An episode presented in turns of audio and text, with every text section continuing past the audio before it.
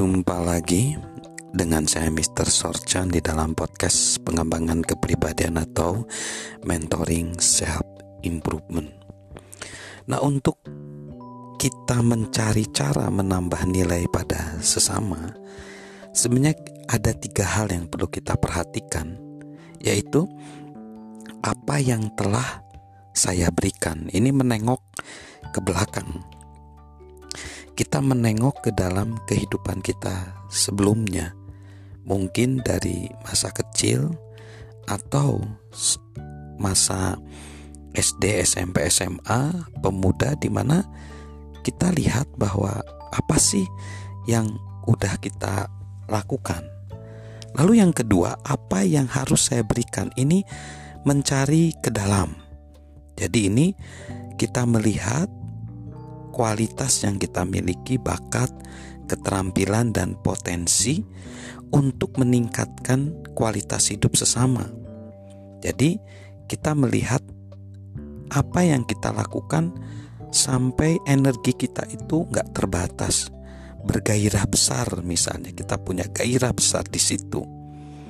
Lalu, yang ketiga, apa yang saya bisa lakukan? Artinya, melihat keluar jadi di sini kita ingin meningkatkan nilai manusia sehingga kita mengatur jadwal kita sehari-hari dengan kata-kata siapa yang bisa saya bantu, bagaimana saya bisa membantu orang lain, kapan saya harus melakukannya.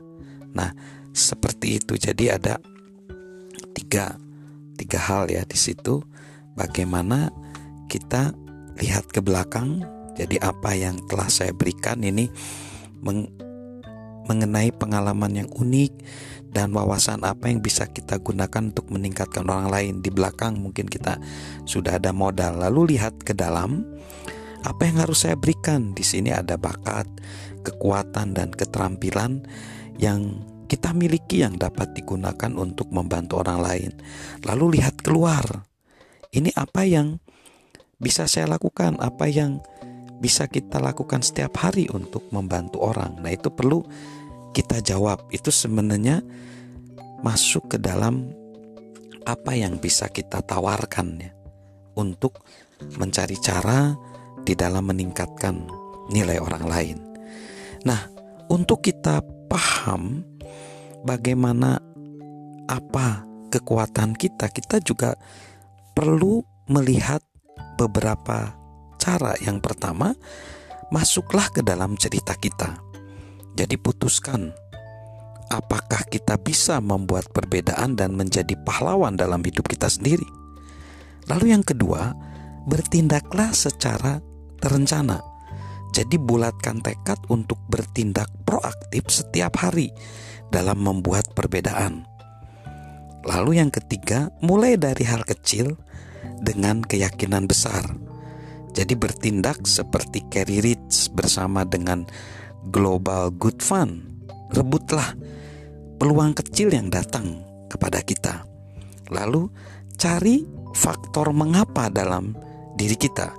Dengarkan hati kita, masuki gairah kita dan temukan tujuan kita. Lalu yang kelima dahulukan orang lain. Sadari pentingnya membantu orang lain dan membuat hidup menjadi lebih baik. Nah, tingkatkan nilai orang lain melalui kelebihan kita. Mulailah melakukannya dengan hal-hal natural. Pastikan usaha kita sejajar dengan kekuatan kita.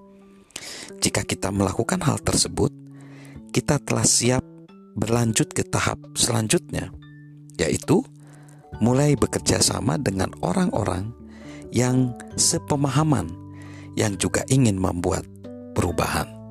Nanti akan dibahas di segmen berikutnya. Bagaimana kita akan bekerja sama dengan orang-orang yang sepaham dengan kita yang ingin membuat perubahan. Salam mengenali kekuatan kita untuk dijadikan hidup penuh kebermaknaan dari saya, Mr. Sorjan.